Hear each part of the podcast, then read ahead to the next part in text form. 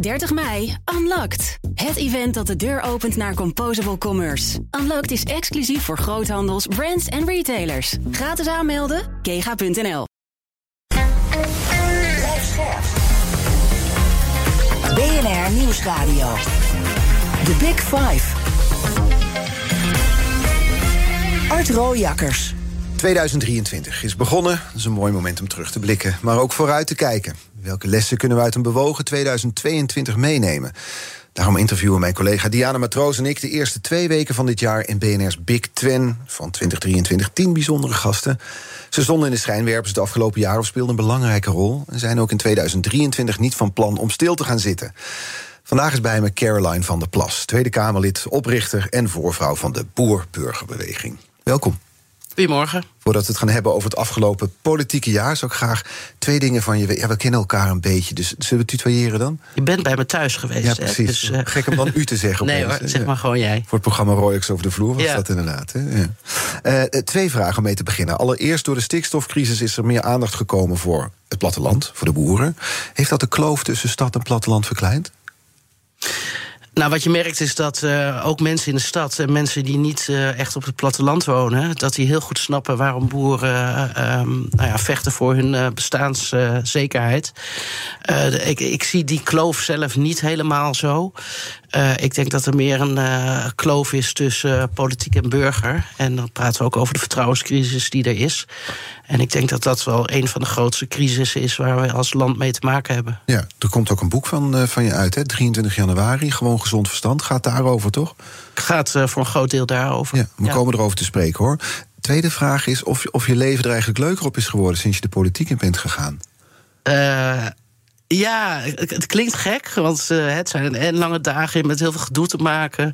Eh, De bedreigingen zijn daar ook nog eens een keer bijgekomen. Maar eigenlijk kan ik wel zeggen dat mijn leven in die zin leuker... Mijn leven is bijzonderder geworden, laat ik het zo zeggen. Vertel eens. Het, eh, nou ja, kijk, ik vind het nog steeds heel erg bijzonder... ehm, dat ik een van de 150 mensen ben die eh, mag meewerken aan een beter Nederland. Hè. Ten- Dan kunnen we discussiëren of dat allemaal lukt Wat een beter moment. Nederland is, ja. Maar ehm, ik vind dat gewoon een hele eh, bijzondere en eervolle functie. Als volksvertegenwoordiger, ehm, nou ja, dat te mogen doen. En ehm, ja, dat, Dat, dat, maakt het vind ik bijzonder om te doen. dat is ontzettend bijzonder om te doen. Ja, Ja. ja. La- Laten we naar het afgelopen jaar kijken. Ook het politieke jaar. 13 zetels staat de BBB op nu in de laatste peilingen. Caroline van der Plas uitgeroepen tot ijverigste Kamerlid. Tegelijkertijd, je zei het zelf net ook, te maken gekregen met eh, bedreigingen. Als je zelf dat afgelopen jaar nou ja, zou moeten samenvatten, hoe, hoe zou je dat doen? Ja, één grote hectische eh, achtbaan. Zo zou ik het eigenlijk willen, willen noemen. Eh, elke keer dacht je, nou, 2022 wordt misschien ietsje rustiger. Hè. We gingen richting het einde van de coronapandemie. Nou ja, we waren het jaar nog niet in of ehm, de Oekraïne-oorlog eh, begon. We hadden al te maken met stijgende energieprijzen. Dat werd nog eens eh, ja, meer en meer. De asielcrisis eh, kwam erbij. We hadden natuurlijk al de wooncrisis. We hadden al de stikstofcrisis. Nou ja, de vertrouwenscrisis kwam erbij. Er komen steeds meer crisissen bij. Crisissen worden groter en niks wordt opgelost. Ehm, en zo is dat hele jaar eigenlijk een beetje gegaan. En er was eigenlijk geen moment dat je gewoon eens goed, rustig, inhoudelijk op een aantal dingen eh, goed mee bezig kon zijn. Er is gewoon heel erg veel aan de hand. Ja. En als partij met één zetel probeer je ook overal mee bezig te zijn. Ja. Wat zegt dat dan? Één zetel nu in de Tweede Kamer. De partij staat nu in de peiling op 13 zetels. Het zijn peilingen. Dat zegt natuurlijk ook niet alles, maar toch, het geeft een trend aan. Wat zegt het eigenlijk? Nou ja, het zegt in ieder geval dat eh, in het land wel heel erg behoefte is aan een andere, ander geluid, ehm, een andere politieke wind eh, misschien. En ehm, ja, het geeft aan dat de huidige partijen, zeg maar, laten we dan even op de coalitiepartijen houden, ja, dat mensen daar wel een beetje klaar mee zijn. En dat, ze, dat het tijd is voor verandering. En mensen zijn bereid hun stem te geven aan nieuwe partijen. Kijk, je ziet ook dat jaar 21 ook behoorlijk eh, stijgt in de, in de peilingen. Ook behoorlijk aantal zetels. Ehm, dus ja, daar is dus kennelijk eh, behoefte aan. Ja. En het geeft ook aan dat er minder waardering is voor partijen die in het midden tot compromissen proberen te komen. Nou, dat weet ik niet. Ik, ik denk vooral dat het in Nederland uh, mensen heel erg veel behoefte hebben om echt gezien en gehoord te worden. En mensen willen uh, duidelijke oplossingen. Hè. Dat uh, gaf ook peiling van één vandaag volgens mij ook aan. Dat heel veel mensen zeggen: ja, de politiek moet misschien wat hardere keuzes maken. Hè, of duidelijkere keuzes maken. Zodat we nou ja, verder kunnen in dit land. Ja, maar zodra er dan een keuze wordt gemaakt, worden we boos als we het er niet mee eens zijn. Ja, dat klopt. Maar kijk, papa en nat houden en, en niks oplossen, dat is ook niet uh, de toekomst. Hè? En als je nou kijkt naar de grote crisissen, hè, wat volgens mij, als we het over grote crisis uh, uh, hebben, dan hebben we het te maken met de stikstofwet, mm -hmm. die gewoon ons hele land op slot zet. Um, we hebben te maken met de asielcrisis. Maar als we daarop meteen maar kijken, die stikstofwet... dan wordt er een, een keuze gemaakt in dat dossier. Hè, en dan vervolgens breken er enorme protesten uit. We komen erover te spreken. Dus je ziet ook dat ja, als er een keuze wordt gemaakt... dat dat dan misschien ook niet meteen de oplossing is... om de onvrede onder de bevolking weg te krijgen. Ja, kijk, duidelijke keuzes, maar het moeten wel goede duidelijke keuzes ja, zijn. Waar jij het mee eens bent. Nou, niet zozeer waar ik het mee eens ben... maar wat recht doet aan iedereen. Ja, maar dat en... kan natuurlijk niet. Je kan nooit iedereen tevreden stellen. Dat is het lastige binnen de politiek. Ja, maar kijk, met, uh, wat, wat je ziet met uh, het hele stikstofgebeuren uh, het afgelopen jaar... en zeker in de afgelopen maanden... je ziet dat het kabinet een aantal beloftes doet. Hè. Dat hebben we bijvoorbeeld over de pasmelders. Ja. Dat zijn de mensen die zeg maar, destijds een vergunning hebben gekregen... en die mochten dan eigenlijk min of meer op de pof hè, wachten... op dat ze stikstof gingen reduceren. Nou, daarvan heeft de Raad van State gezegd... Heeft er een streep doorgezet? Dat, dat kan niet. Nog gehaald, ja. Nou, en die mensen die hebben um, van de overheid een vergunning gekregen. En die wachten nog steeds ja, op legalisering. Ja. En dan praat je over duizenden boerengezinnen... Mhm. die op dit moment helemaal kapot gaan eigenlijk. Letterlijk en figuurlijk. Ja. Daarvan uh, is in het regeerakkoord ook afgesproken... dat die met voorrang behandeld zouden worden... Uh, met het legaliseren daarvan. En wat zie je nou gebeuren? Nou wordt uh, her en der stikstofruimte opgekocht... door Rijkswaterstaat, door Schiphol. Door gemeenten zelfs, ja. gemeentes. En uh, die stikstofruimte die dan bij boeren wordt uh, opgekocht, die wordt dan gebruikt voor wegen, ja. uh, voor luchtvaart. Ja, omdat we klem zitten. Hè? Maar we, we, komen over de stikstof te spreken. Maar ik bedoelde eigenlijk meer in algemene zin, want ik snap het punt over de pasmelders. Dat als er dan een keuze wordt gemaakt. Ja, het, dat is niet meteen de oplossing, omdat je maakt altijd een keuze waar sommige mensen het niet mee eens zullen zijn, hoe groot of klein die groep ook is. Ja, zeker. Nee, dat natuurlijk, dat realiseer ik me ook wel. Je kunt niet voor alle 17 miljoen mensen iets doen waar iedereen blij van nee, wordt. Dat blijkt ook trouwens uit voor jou persoonlijk. Want ik krijg te maken met ladingen bagger, hè? Dat wordt steeds, steeds meer volgens mij het afgelopen jaar, of niet? Ja, sommige mensen denken ze doet iets voor de agrarische sector. Dus laten we de, de, mest maar, de mestkar maar over haar heen storten. Ja, uh, ja dat klopt. Uh, kijk, maar weet je, bagger vind ik niet zo erg. Mensen, ja, daar trek ik me niet zo heel erg het gaat, het gaat verder dan dat. Het gaat ook over bedreigingen. Nou ja, kijk, als het dus persoonlijk wordt... en het gaat over je eigen veiligheid die in het geding uh, is...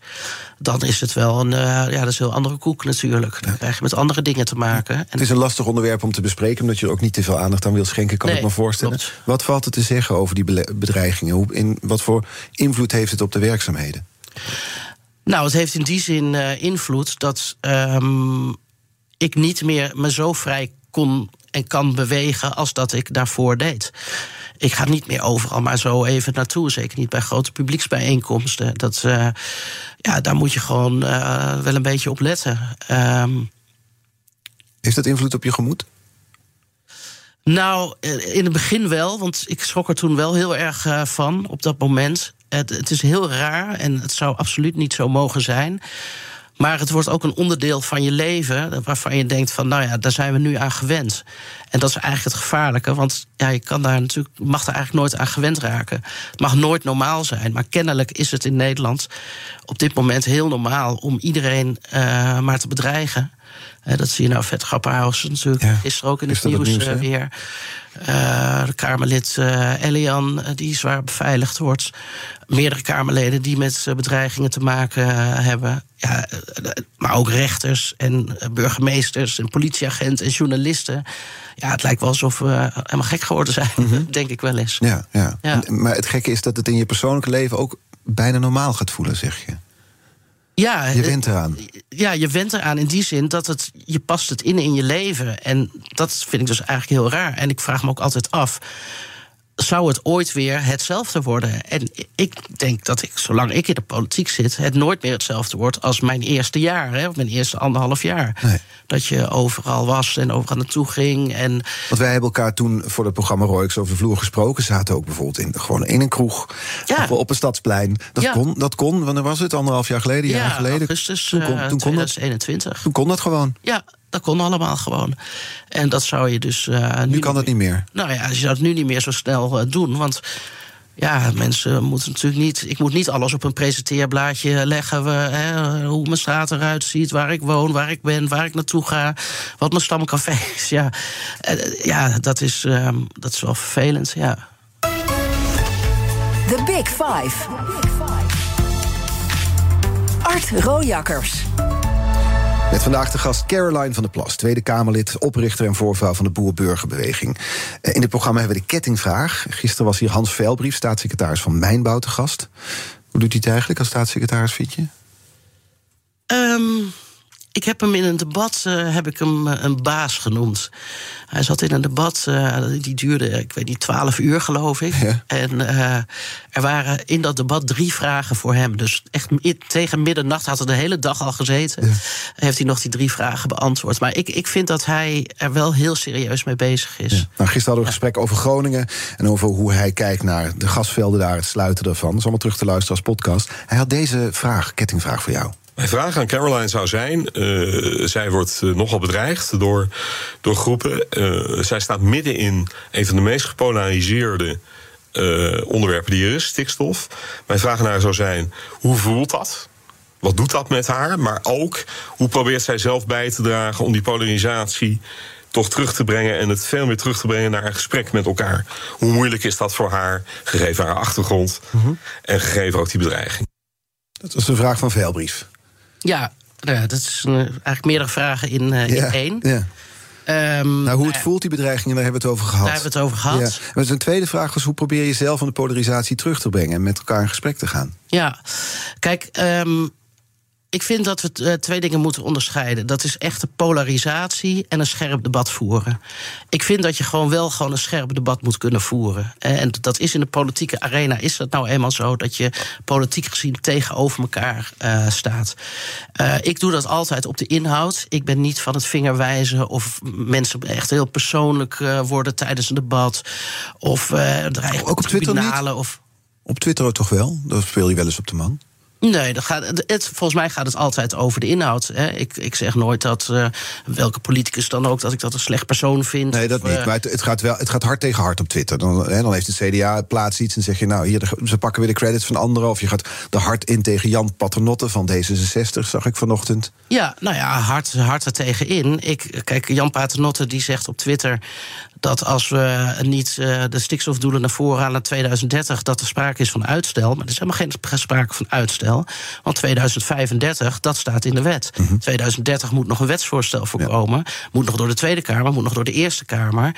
Dus ik nuanceer eigenlijk wat hij zegt. Want door steeds te zeggen 2030 gaat in Nederland leven, dat dat al geregeld is. En dat is nog helemaal niet geregeld. Maar wat, wat Veilbrief dus vraagt is... ben je daarmee bezig om die polarisatie tegen te gaan? En jij zegt, nou, ik ben bezig met een scherp debat voeren. Ik polariseer niet.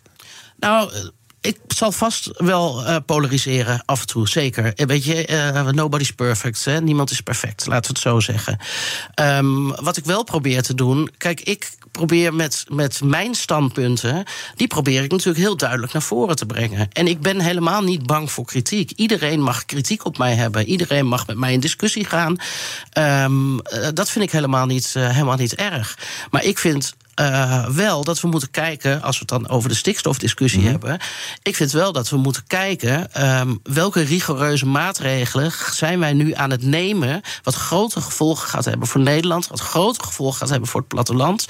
Eh, en weten we welk effect dat heeft, welke gevolgen daarvan zijn. En dat probeer ik steeds te benadrukken. Ja. Weten we waar we precies mee bezig zijn? En als ik, als ik het heel simpel vraag... hebben we in Nederland een stikstofprobleem?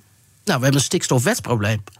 Dat is een verschil. Dat is een verschil. Want We hebben niet te veel stikstof, geen probleem voor de natuur. Nou ja, kijk, dat, dat vind ik altijd grappig. Als je het één zegt, dan is het dus jij vindt dat dat. Nee, dat nee, het is een vraag. ik zeg niet, niet persoonlijk jou, Ja. maar dat hoor ik al vaak. Ja. Van dus jij vindt niet dat de stikstof gereduceerd moet worden. Dus jij vindt dat. Maar wat is het verschil tussen een stikstofprobleem en een stikstofwetprobleem? Nou, kijk, Nederland heeft ehm, zichzelf, en dat zie je met, met meer, hè, dat zie je ook eh, klimaatakkoord eh, Parijs. Wij, Nederland gooit er altijd nog even wat extra's bovenop. We gaan nog even wat sneller. En we gaan nog even wat meer doen hè, dan, dat, eh, dan dat er eh, eh, wettelijk eigenlijk moet. En dat zie je bij stikstof, zie je dat ook. En dat, ik verwijs ook wel vaak naar het Planbureau voor de Leefomgeving. Die heeft daar ook wel wat kanttekening bij. Johan Remkes overigens ook. Om bijvoorbeeld die kritische depositiewaarde, hè, dat is de mate van stikstofneerslag op de natuur, waardoor de natuur schade kan op, eh, eh, dat het schade kan opleveren. Niet dat de natuur beschadigt, want zo wordt het ook wel eens gesteld. Daardoor beschadigt de natuur. Nee, dat het kan gebeuren. Ja. Ehm, dat je die kritische depositiewaarden, die hebben wij als resultaatverplichting in de wet zetten, zitten. En eh, wij willen liever dat die kritische depositiewaarde als een indicator gaat Ja, gelden. dus gaan we, ik, ik snap het punt, maar het is nog geen antwoord op de vraag... wat dan het verschil is tussen een stikstofprobleem en een stikstofwetprobleem. Nou, kijk, dat is de, de, de, de KDW, de kritische depositiewaarde, die staat in de wet als resultaatverplichting. Die had niet in die wet moeten Waardoor staan. we dus eigenlijk daarmee eh, het hele land eh, min of meer op slot zetten. Hè. Dus er, zit nog, eh, er zit nog meer onder. Maar dat is een van de dingen die wij in, wettelijk hebben verankerd. Ja. Ehm, wat gewoon eigenlijk onhaalbaar is. Want wij hebben die normen zo streng. Mhm. dat eigenlijk, ehm, als je alles in Nederland zou weghalen: huizen, mensen, scheepvaart, eh, vee. dan nog zal er op een aantal Natura 2000 gebieden. de kritische depositiewaarden Te hoog zijn. te hoog zijn. Ja. Maar als we de, naar, naar de cijfers kijken, want die ging ik er dan eh, eh, bijzoeken. Het CBS, toch, hè, dat staat niet ter discussie, denk ik. Die hebben, blijkt dan dat geen enkele sector zoveel uitstoot als de landbouw. 87,3 procent als het gaat om stikstof. Hè? Terwijl de bijdrage aan de economie rond de 8 procent ligt. Van het agro-complex is 6,4, primaire landbouw 1,4. Ja. Dus met andere woorden, de meeste stikstof komt van de landbouw. De bijdrage is nog geen 10 procent aan onze Ja, economie. kijk, je moet twee eh, dingen ook onderscheiden. Je hebt te maken met ammoniak en stikstof NOx. Waar het om gaat bij de, eh, bij de veehouderij, dat is de uitstoot Ammoniak. van ammoniak. Ehm, de agrarische sector die is al 30 jaar bezig met het reduceren van ammoniak.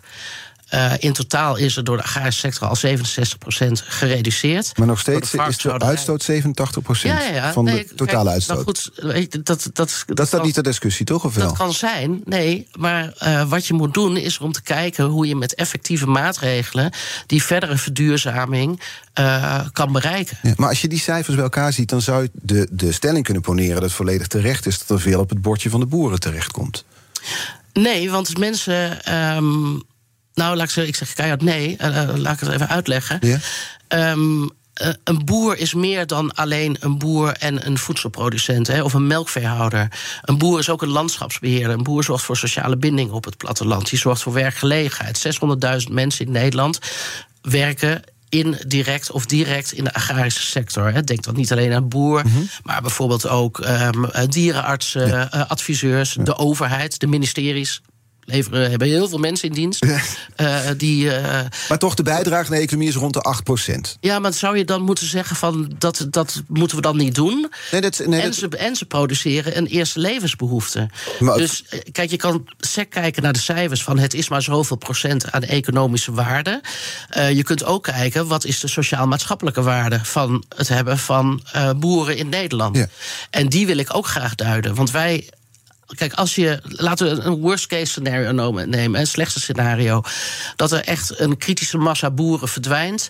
Ehm, waardoor het landschap heel erg gaat veranderen. Want met die grond, daar wordt wat anders mee gedaan. Eh, dat zou de woning op kunnen gebouwd worden. Dat kan gebruikt worden voor eh, aanleg van eh, wegen, eh, distributiecentra. kan Of ook, natuurgebied, Of ja. natuur, zeker. Dat kan ook. Ja. Ehm, maar het landschap gaat heel erg veranderen. Veranderen, ja. En de sociaal-maatschappelijke functie van boeren in Nederland is ook een hele grote functie. zeker. En ik vind dat we dat dus allemaal moeten meenemen in de waarde van boeren. Ja. Ik vind niet dat je dat sec op die procentuele economische bijdrage. Want dan sla je het helemaal plat. Ja, nou ja, wat ik probeer te maken is het punt dat als er dus zoveel uitstoot komt uit één sector, terwijl de economische bijdrage niet in verhouding staat, dat er dan wel een logica in zit dat er stikstofmaatregelen ook veel op het bordje bij boeren komen. En da daar zeg je van nee, dat is onterecht, want dan kijk je alleen maar die, naar die economische waarde. Maar dat is toch uiteindelijk waar het dan om draait? Nee, kijk, het is, um, wat ik probeer te zeggen is, het, um, boeren ervaren het zo, um, ik zie het zo, dat er op dit moment alleen maar alles op het bordje van de boeren terechtkomt, zonder dat andere industrieën en luchtvaart bijvoorbeeld. Ja uh, net zo hard wordt aangepakt. Al die maatregelen, dat moet allemaal nog komen. Mm -hmm. En in de tussentijd zie je dus wel de luchtvaart stikstofruimte opkopen. Dus hier Rijkswaterstaat hè, voor de verbreding van de A27 bij Amelisweert. Ja. Waar gewoon heel veel weerstand tegen is. Daar ook in de omgeving, maar ook politiek gezien, hè, is dat per se nodig. Daar zijn de meningen heel sterk over verdeeld. En die kunnen eigenlijk die ruimte allemaal wel uh, kopen. Mm -hmm. Terwijl die boeren, eigenlijk wordt gezegd van jullie moeten. In Nederland wordt eigenlijk de discussie gevoerd, die boeren moeten weg. En is dat zo? Wordt dat echt gezegd? De boeren nou ja, moeten weg? Of wordt... over, over uitkoop. Ik zag gisteren een sportje. Van de piekbelasters dan, niet van alle boeren. Ja, maar wat zijn dan de piekbelasters? Nou, dat zijn, die zijn, ja, dat, dat, zijn er nu duizend volgens mij wie, dan gedefinieerd. Wie zijn het? Ik ken ze niet persoonlijk. Nee, niemand kent ze namelijk. Niemand weet wie de piekbelasters zijn.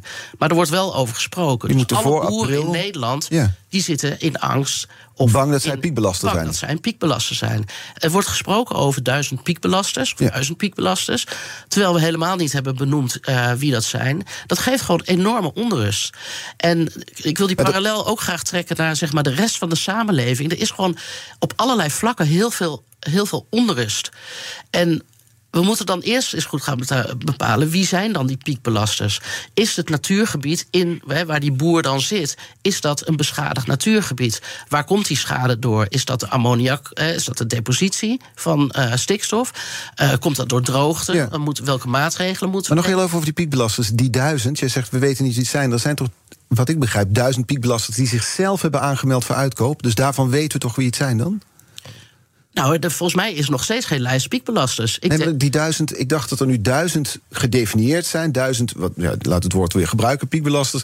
Die bereid zijn zich te laten uitkopen. Volgens mij zijn er duizend eh Dat zou dan een derde van het totaal zijn. Hebben, hebben aangemeld om zich te laten uitkopen. Maar er zijn waarschijnlijk ook boeren die sowieso bijvoorbeeld geen opvolger zouden hebben.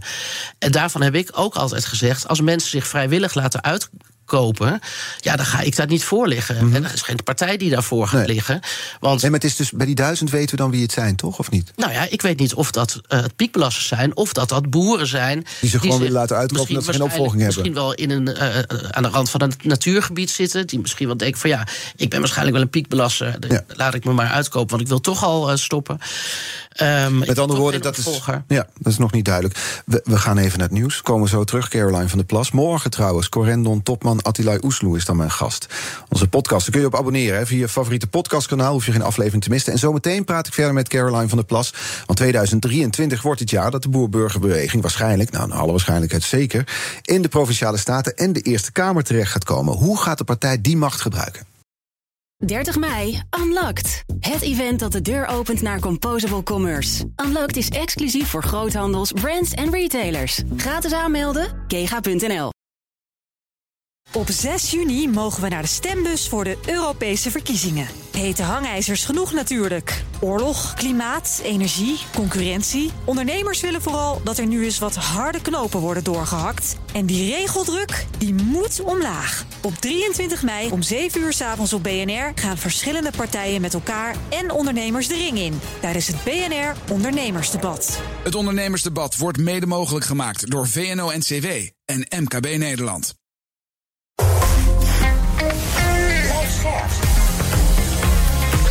BNR Nieuwsradio. The Big Five.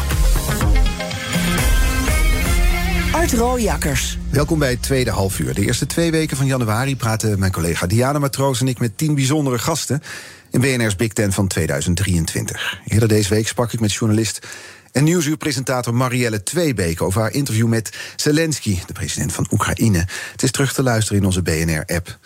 Vandaag de gast Caroline van der Plas, Tweede Kamerlid, oprichter en voorvrouw van de Boerburgerbeweging.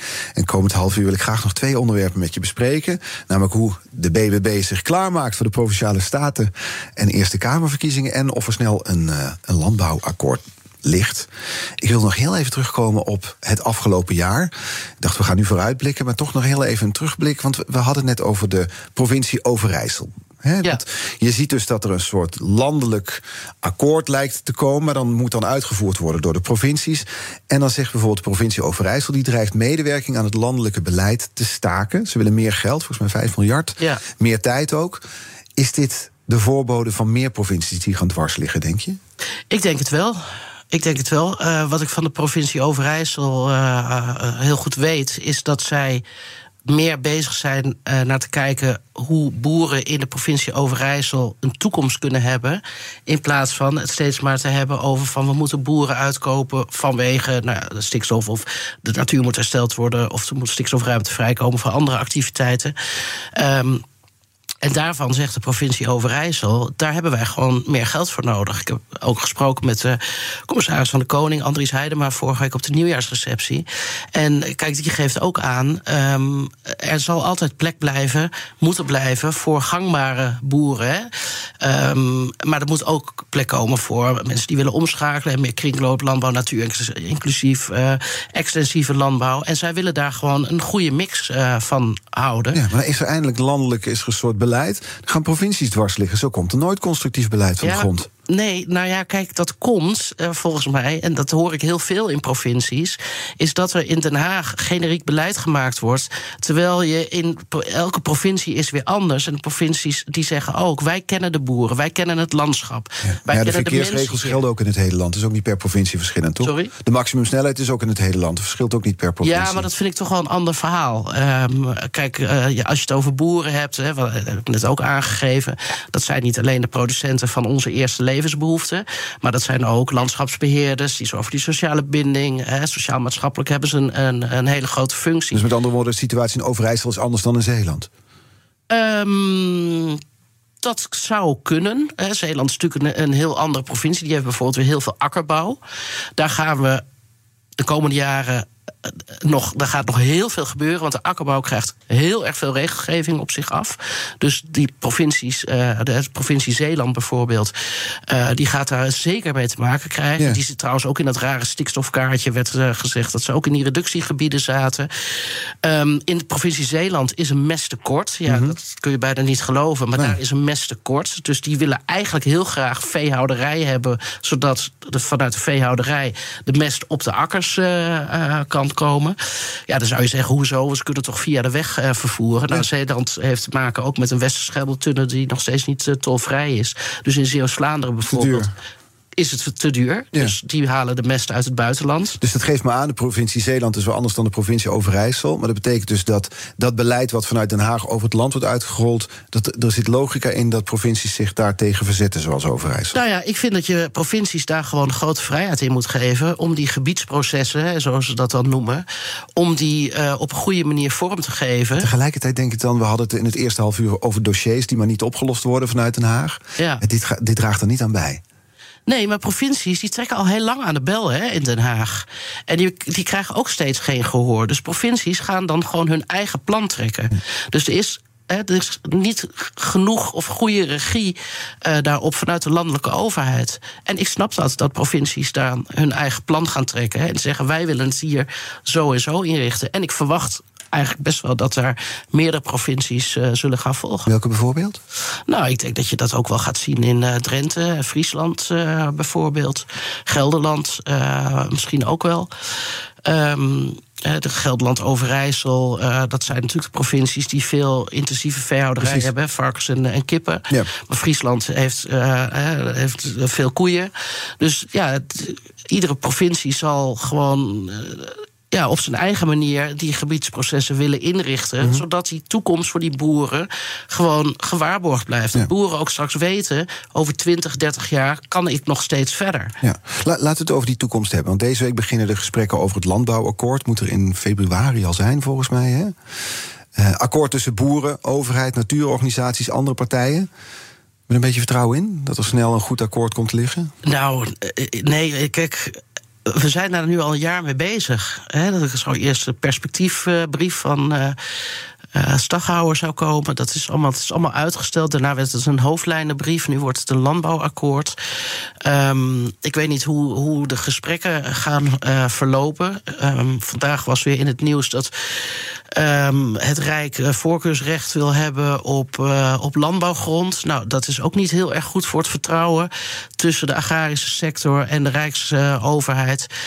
Um, dus ja, ik zou eigenlijk willen zeggen tegen de ministers en de ministeries: maak nou gewoon even pas op de plaats met allerlei nieuwe dingen die je weer over de agrarische sector heen stort. Want dat vertrouwen dat wordt gewoon minder en minder. En als je in gesprek wil met boeren, maar ook met andere organisaties, natuurorganisaties, en misschien ook maatschappelijke organisaties, um, dan moet je wel zorgen dat dat vertrouwen er is. En als die boeren daar geen vertrouwen in hebben, ja, dan wordt het lastig praten. Het lijkt soms ergens ook dat dat het vertrouwen er alleen is als boeren uh, niks zouden hoeven aanpassen? Nee, maar dat of is, dat een verkeerde perceptie? Ja, dat is perceptie. Want net wat ik al aangaf, er is al heel veel gereduceerd. 67% stikstof.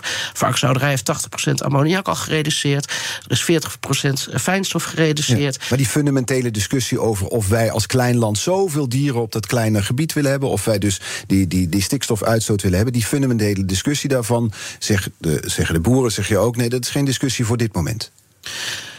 Um, kijk, wij, de veestapel zal organisch krimpen. er zijn heel veel boeren die geen opvolger hebben. Het aantal uh, dieren is al in de laatste vier jaar afgenomen. Dus sinds 2018 zijn er 200.000 runderen minder, 10 miljoen kippen minder, 1,5 miljoen varkens minder, 20.000 schapen minder. Mijn percentage dus is dat, is al.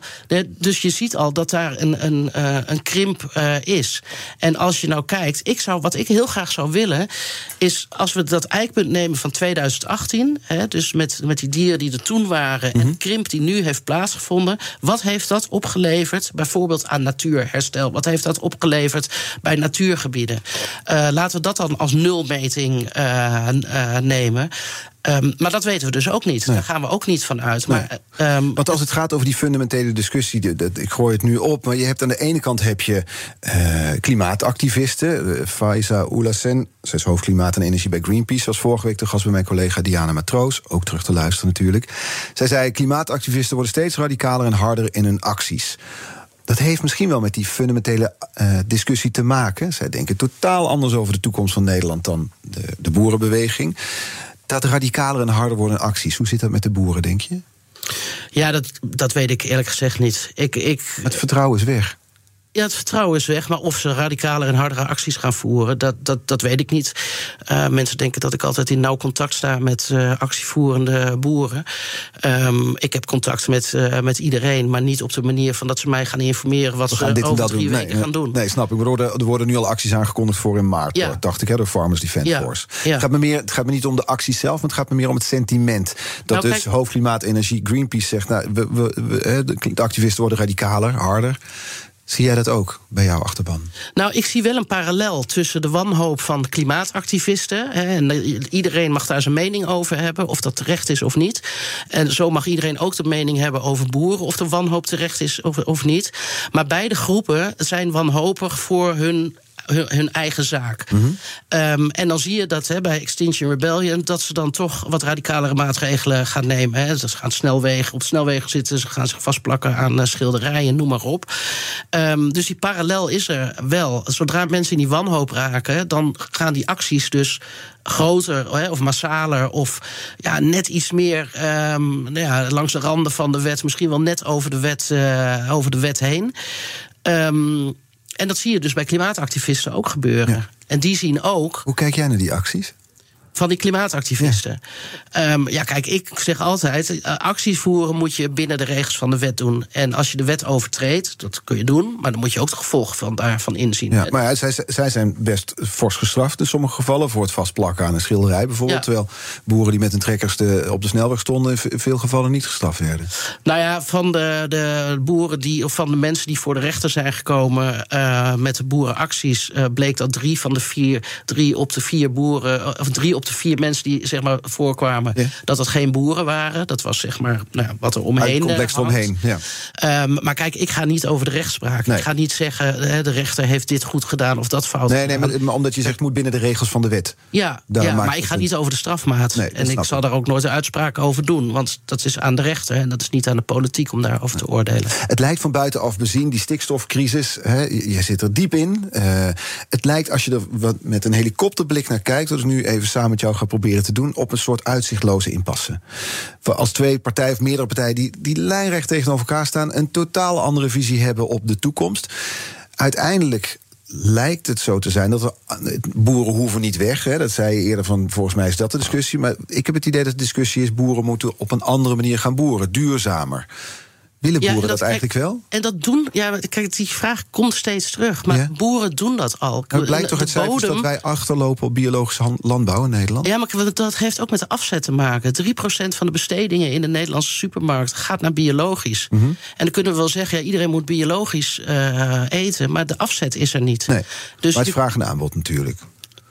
dat is vraag en aanbod. Ja. Er zijn best wel veel boeren die willen omschakelen naar biologisch. Ja. Maar er is een wachtlijst bij de SCAL, dat is de certificerende woorden, er is, er wel de, de motivatie. Het Maar het, wordt gewoon gezegd, je kunt niet omschakelen, want we hebben de afzet niet. Dus aan de afzetkant zou je iets moeten doen. Maar dan maak ik me wel weer een klein beetje zorgen. Wat gaat dat dan betekenen voor eh, de prijs? Hè? Want nu, nu, nou ja, nu eh, is biologisch relatief eh, duurder hè, dan, dan gangbare melk bijvoorbeeld. Eh, maar als dat generiek product wordt, dan gaat die prijs ook omlaag. Dan wordt biologisch, wordt gangbaar. En, Mhm. met andere woorden komen de boeren niet uit. Omdat die prijs omlaag gaat, terwijl de kosten wel dus hoger zijn. Dat verdienmodel, hè, of dat, dat inkomen, dat is wel belangrijk. Ja, ja. Maar er is een wens dus bij boeren om daar wel toe over te stappen. Alleen het kan nu praktisch gezien nog niet, zeg je. Er is gewoon eh, in sommige sectoren een wachtlijst. Wordt gewoon gezegd, het kan niet. 30 mei, Unlocked. Het event dat de deur opent naar Composable Commerce. Unlocked is exclusief voor groothandels, brands en retailers. Gratis aanmelden, kega.nl. Op 6 juni mogen we naar de stembus voor de Europese verkiezingen. Hete hangijzers genoeg natuurlijk. Oorlog, klimaat, energie, concurrentie. Ondernemers willen vooral dat er nu eens wat harde knopen worden doorgehakt. En die regeldruk, die moet omlaag. Op 23 mei om 7 uur 's avonds op BNR gaan verschillende partijen met elkaar en ondernemers de ring in. Tijdens het BNR Ondernemersdebat. Het ondernemersdebat wordt mede mogelijk gemaakt door VNO-NCW en MKB Nederland. BNR Nieuwsradio. The Big Five. Art Rojakkers. Met vandaag de gast Caroline van der Plas, Tweede Kamerlid en voorvrouw van de Boer-Burgerbeweging.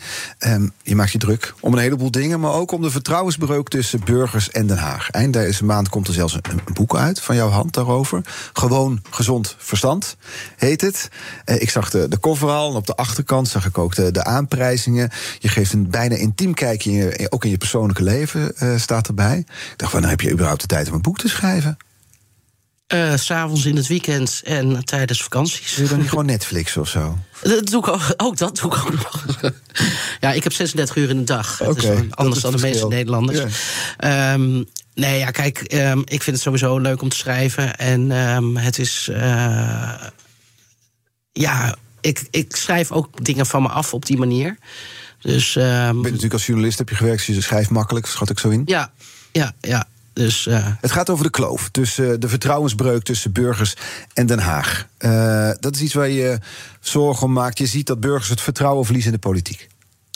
Ja, dat is niet zozeer waar alleen het boek over gaat hoor. Maar dat is iets waar ik mezelf gewoon heel erg veel zorgen over maak. En waar ik ook in het afgelopen jaar in de Kamer heel erg mee bezig ben ge- geweest. Ehm, ik zie gewoon dat we de maatschappij of de samenleving gewoon ja, zich, zich afkeert van de overheid. En de nationale ombudsman die heeft het al regelmatig gezegd. De overheid is voor de burger en niet andersom. En op dit moment lijkt het wel alsof het andersom is. En burgers ervaren dat ook zo. Burgers ervaren ook dat er niet naar ze geluisterd wordt. Dat ze niet gezien en gehoord worden. En straks krijg je weer campagnetijd. En dan staat iedereen weer eh, met de bloemetjes en de, de presentjes op de lokale weekmarkt eh, dingen uit te delen. Er worden allemaal weer beloftes gedaan. En dan gaan we weer gewoon over tot de orde van de dag. En mensen prikken daar doorheen, denk je. Mensen zijn het een beetje beu. Mensen geloven het gewoon niet meer. En ehm, kijk, in de coronaperiode is, is die, die tweedeling in, in de maatschappij. die is gewoon op een hele lelijke manier naar boven gekomen. Scherp en, bloot komen te liggen. Ja, dat is, en daar is gewoon uh, niet genoeg aan gedaan door de overheid. Het werd gewoon zelfs letterlijk ontkend dat er een tweedeling was. Maar we hebben wel gezien dat het is gebeurd. Families, uh, collega's, vriendengroepen zijn gewoon uit elkaar gevallen vanwege uh, die QR-code en het wel of niet vaccineren. Mm -hmm. um, en de overheid heeft dat in mijn ogen gefaciliteerd en aangejaagd. En is daar nooit op teruggekomen. Die heeft no eigenlijk nooit gezegd: dit hebben wij gewoon niet goed aangepakt. En het is heel simpel. Eigenlijk zou het heel simpel zijn. Als je als overheid een keer toegeeft, weet je, dit hebben wij gewoon niet goed gedaan. Dit hebben wij gewoon. Uh, en even los van of je vaccinatie nou wel of niet uh, uh, nuttig vindt. Maar wij hebben als overheid die samenleving uit elkaar laten vallen. Het is voor onze ogen gebeurd en wij hebben daar niks aan gedaan. En dat leidt dan tussen, tot een kloof tussen burger en politiek, zeg je? Nou, onder andere dat. Maar hè, bijvoorbeeld de mensen in Groningen die al, al jaren vechten voor, voor vergoeding, bijvoorbeeld. De mensen in, in Zuid-Nederland de watersnoodramp, hè, waarvoor heel veel ondernemers nog steeds niet zijn betaald. Terwijl er wordt gezegd: hè, dit gaan we aanpakken en dat komt goed. En dat, en dat gebeurt dan uh, gewoon niet. Kijk, de Nationale Ombudsman heeft vorige week ook niet voor niks gewoon een onvoldoende gegeven mm-hmm. aan dit kabinet. Ja, nou, dat is in ieder geval wat je dus beschrijft. Het heeft dan ook te maken, dus misschien wel ergens met het succes van de boerburgerbeweging. Mensen die denken: nou, misschien kunnen jullie het verschil gaan maken. En dit wordt een belangrijk jaar voor ja. de BBB. De provinciale statenverkiezingen komen eraan. Die zijn bepalend voor wie er veel macht krijgt in de Eerste Kamer. Of het kabinet bijvoorbeeld een meerderheid krijgt daar, ja of nee. Wat verwacht je ervan? Nou, ik verwacht dat wij in heel veel provincies uh, veel zetels gaan halen. In een aantal provincies uh, misschien zelfs wel de grootste kunnen worden. En uh, in, in, die zin zal dat ook behoorlijk wat Eerste Kamerzetels gaan opleveren. Levert dat slapeloze nacht op? Want dat betekent dat je ook allemaal goede mensen moet vinden. En daar ja, is het vaak dat... bij misgegaan, hè, bij partijen die snel groeien. Ja, dat klopt. Maar kijk, um, wij groeien snel in de peilingen. Maar uh, BBB is in 2018 eigenlijk al begonnen. Mm -hmm. Dus wij zijn al heel lang bezig met het opbouwen van de partij. We hebben een uh, heel goed en professioneel uh, bestuur. We hebben hele goede mensen op de achtergrond werken. Ik heb een fantastisch fractieteam. En het zoeken naar provinciale statenkandidaten zijn we in oktober 2021 al in begonnen. Ja. Dus niet afgelopen oktober, maar een jaar daarvoor al. Daar hebben we heel erg goed voorbereid. Die mensen staan in de startblokken, die kennen elkaar al goed, zijn elkaar ingespeeld. Maar succes, debatten. Succes trekt gelukzoekers aan. Dat zien we hè, ook in de politiek, hebben we gezien bij andere partijen, toch? Zeker, die hebben wij dat ook dat wel. een aandachtspunt is. Nee, maar die hebben wij ook wel uh, gehad. En die filter je er best wel uh, snel uit. Ja, hoe doe je dat? Maar door, nou ja, door heel erg de tijd te nemen om die kandidaten te selecteren. Op een gegeven moment moeten ze in een groep al gaan functioneren. En dan zie je al wel mensen die gewoon niet bij die groep passen. Of die ineens haantjesgedrag gaan uh, vertonen. Hè, of die alleen maar voor die eerste plek gaan. En wij gaan voor het algemeen belang. En uiteindelijk wie de lijsttrekker wordt, dat wordt door de groep zelf is dat uh, bepaald mm-hmm. uiteindelijk. En ja, die mensen filter je er wel snel uit. Of mensen die bij ons uh, komen solliciteren. En die dan ergens, ik noem maar wat, in het westen van het land wonen. En die vraag je naar Deventer te komen voor een gesprek. En die zeggen, ja, maar daar, dat is me veel te ver. Kunnen jullie niet bij mij komen? Ja, dan gaat dat gesprek dan. dus gewoon niet door. Nee, hoe, hoe, goed je cv ook is. Nee. Komen ze ook van andere partijen? Um, de meeste mensen die wij uh, op de lijst hebben staan, dat zijn mensen die ofwel bij lokale partijen actief zijn geweest, of niet politiek actief. Uh, een aantal CDA's en een aantal VVD'ers. En een verdwaalde ex-FVD'er die een paar jaar geleden al was afgehaakt en nu zelfstandig was verder gegaan. Hoe, hoe, werkt dat dan? Bellen ze dan jou en zeggen ze dan: mag, is er een plekje voor mij in de herberg? Of hoe, hoe gaat zoiets? Uh, soms gebeurt dat. Dan mailen ze mij. Maar uh, we hebben vacatures geplaatst. Maar we zijn ook.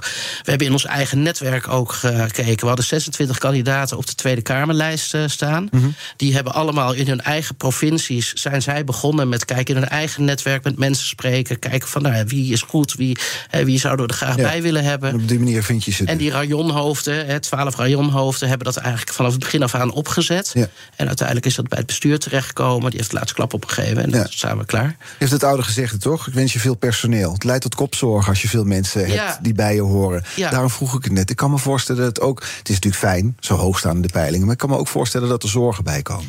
Nou, kijk, je moet erop letten dat je niet allemaal gekke dingen gaat doen. Kijk, wij kiezen er bijvoorbeeld voor. Wij krijgen geen regionale BBB's, geen regionale besturen. Wij gaan niet een lokale BBB Deventer oprichten. Wij willen niet allemaal overal aparte BBB-bestuurtjes hebben. Mm -hmm. Ehm, wij houden het zeg maar bij die rayons. En we hebben een hele platte organisatie. Je hebt het hoofdbestuur en die rayons die hebben zeg maar, contact met het hoofdbestuur. Ja. Stel dat je nou inderdaad. Sorry. Ja. ja, het gevaar is namelijk als je overal in de provincies en gemeentes overal lokale bestuurtjes hebt, dat is eigenlijk ja, dan kun je er wel van uitgaan dat daar het allemaal land gaat ontstaan. En dan heb je geen overzicht meer op mensen. Nee, nee. Ik uh, kwam een bericht tegen bij RTL. Jullie campagnekans is hartstikke gevuld. 750.000 euro heeft de BBB. Dus ongeveer net zoveel als de grote partijen. Kijk naar rijk vrouw, hoe kom je aan zoveel geld? Ja, het is wel grappig hoe dat uh, wordt neergezet. Wij hebben gezegd, wij hebben een, wij, wij hebben een campagnebudget van tussen de 450.000 euro en 750.000 euro. Wordt naar boven. Wat we daarvan uit gaan geven, dat is nog helemaal niet bekend. Wij houden ook rekening met tussentijds nieuwe Tweede Kamerverkiezingen. Zijn het allemaal dus... tientjes donaties van de leden? Of hoe kom je aan het geld aan? Um, nee, maar kijk, wij zijn uh, de afgelopen jaar ontzettend hard gegroeid. In uh, maart 2021 hadden we nog maar 700 leden. En we hebben er nu ruim 11.000. Ja. Die mensen betalen allemaal contributie. Die contributie ligt bij ons relatief hoog. Dus daar hebben we flink wat uh, inkomen. Uh, hebben we daar en al die agrarische bedrijven betalen natuurlijk hartstikke veel in de BBB. Dat is beeld dan, hè? Ja, ja dat denkt iedereen. Tonnen maar... worden er gestort dan ja, de joh, en zo. denken dat ik uh, mijn zak aan het vullen ben en de BBB ook. Nee, we hebben vaak um, zijn het relatief kleinere donaties. er komen nu ook wat grotere donaties binnen. En wat is groot dan? Waar hebben we het over? Wat voor bedrag? Ja, 5000 euro of ja, die orde van groot. Hm. En wij hebben eigenlijk gezegd, wij willen willen. Um, bedrijven die zeg maar bij ons zouden willen doneren, daar zetten wij een kap op dat we um, tot maximaal 50.000 euro gaan. En dat is veel lager dan de wet financiering politieke partijen eigenlijk uh, aangeeft. Ja, het punt is en... gemaakt. We gaan snel de ketting vragen, want anders oh, geen tijd ja, meer. Okay. Morgen is mijn gast namelijk Corendon-topman Attilai Oesloe. Mag je een korte, bondige vraag stellen? Wat zou je van hem willen weten? Ja, ik zou graag willen weten um, hoe hij er tegenover staat dat uh, Schiphol stikstofruimte bij boeren aan het opkopen is. om de natuurbeschermingsvergunning die Schiphol nu nog niet heeft mogelijk te maken. En eigenlijk stikstof um, aan het opkopen is voor de luchtvaart. We gaan het er morgen voorleggen. Dus de Corendon-topman Attilai Oesloe. Als je nou dat boek hebt, dat succes van die, in die peilingen, dat leidt ook tot gedachten over de toekomst. Zit er een ministerschap landbouw ooit in, denk je, voor Caroline van der Plas? Nee, ik, ik ben uh, niet ik ben niet een uitvoerder. Tenminste, dat, ik vind dat minder leuk, laat ik het zo zeggen. Ik, vind, ik hou ervan om zeg maar de luisterende pels of de aanjager mm -hmm. uh, te zijn. Meer nog dan een uitvoerder. Dus um, ik ambieer niet een functie van minister van uh, Landbouw. Ik zeg ook nooit, nooit. Uh, um, maar het is niet mijn eerste prioriteit. Nee. Eerst maar eens er zijn heel veel goede mensen die dat kunnen. Binnen de BBB, nu al. Ja. Ook buiten de BBB. Okay. Ah, kijk. En die kunnen dan gewoon lid worden als wij ze vragen. ja. Dank voor de komst vandaag. Caroline van der Plas, Tweede Kamerlid, voorvrouw en oprichter van de Boer-Burgerbeweging. Onze afleveringen zijn terug te luisteren als podcast via onze app of je favoriete podcastkanaal. En nu op deze zender Ivan Verrips met BNR Breek. Tot morgen. 30 mei, Unlocked. Het event dat de deur opent naar Composable Commerce. Unlocked is exclusief voor groothandels, brands en retailers. Gratis aanmelden, kega.nl.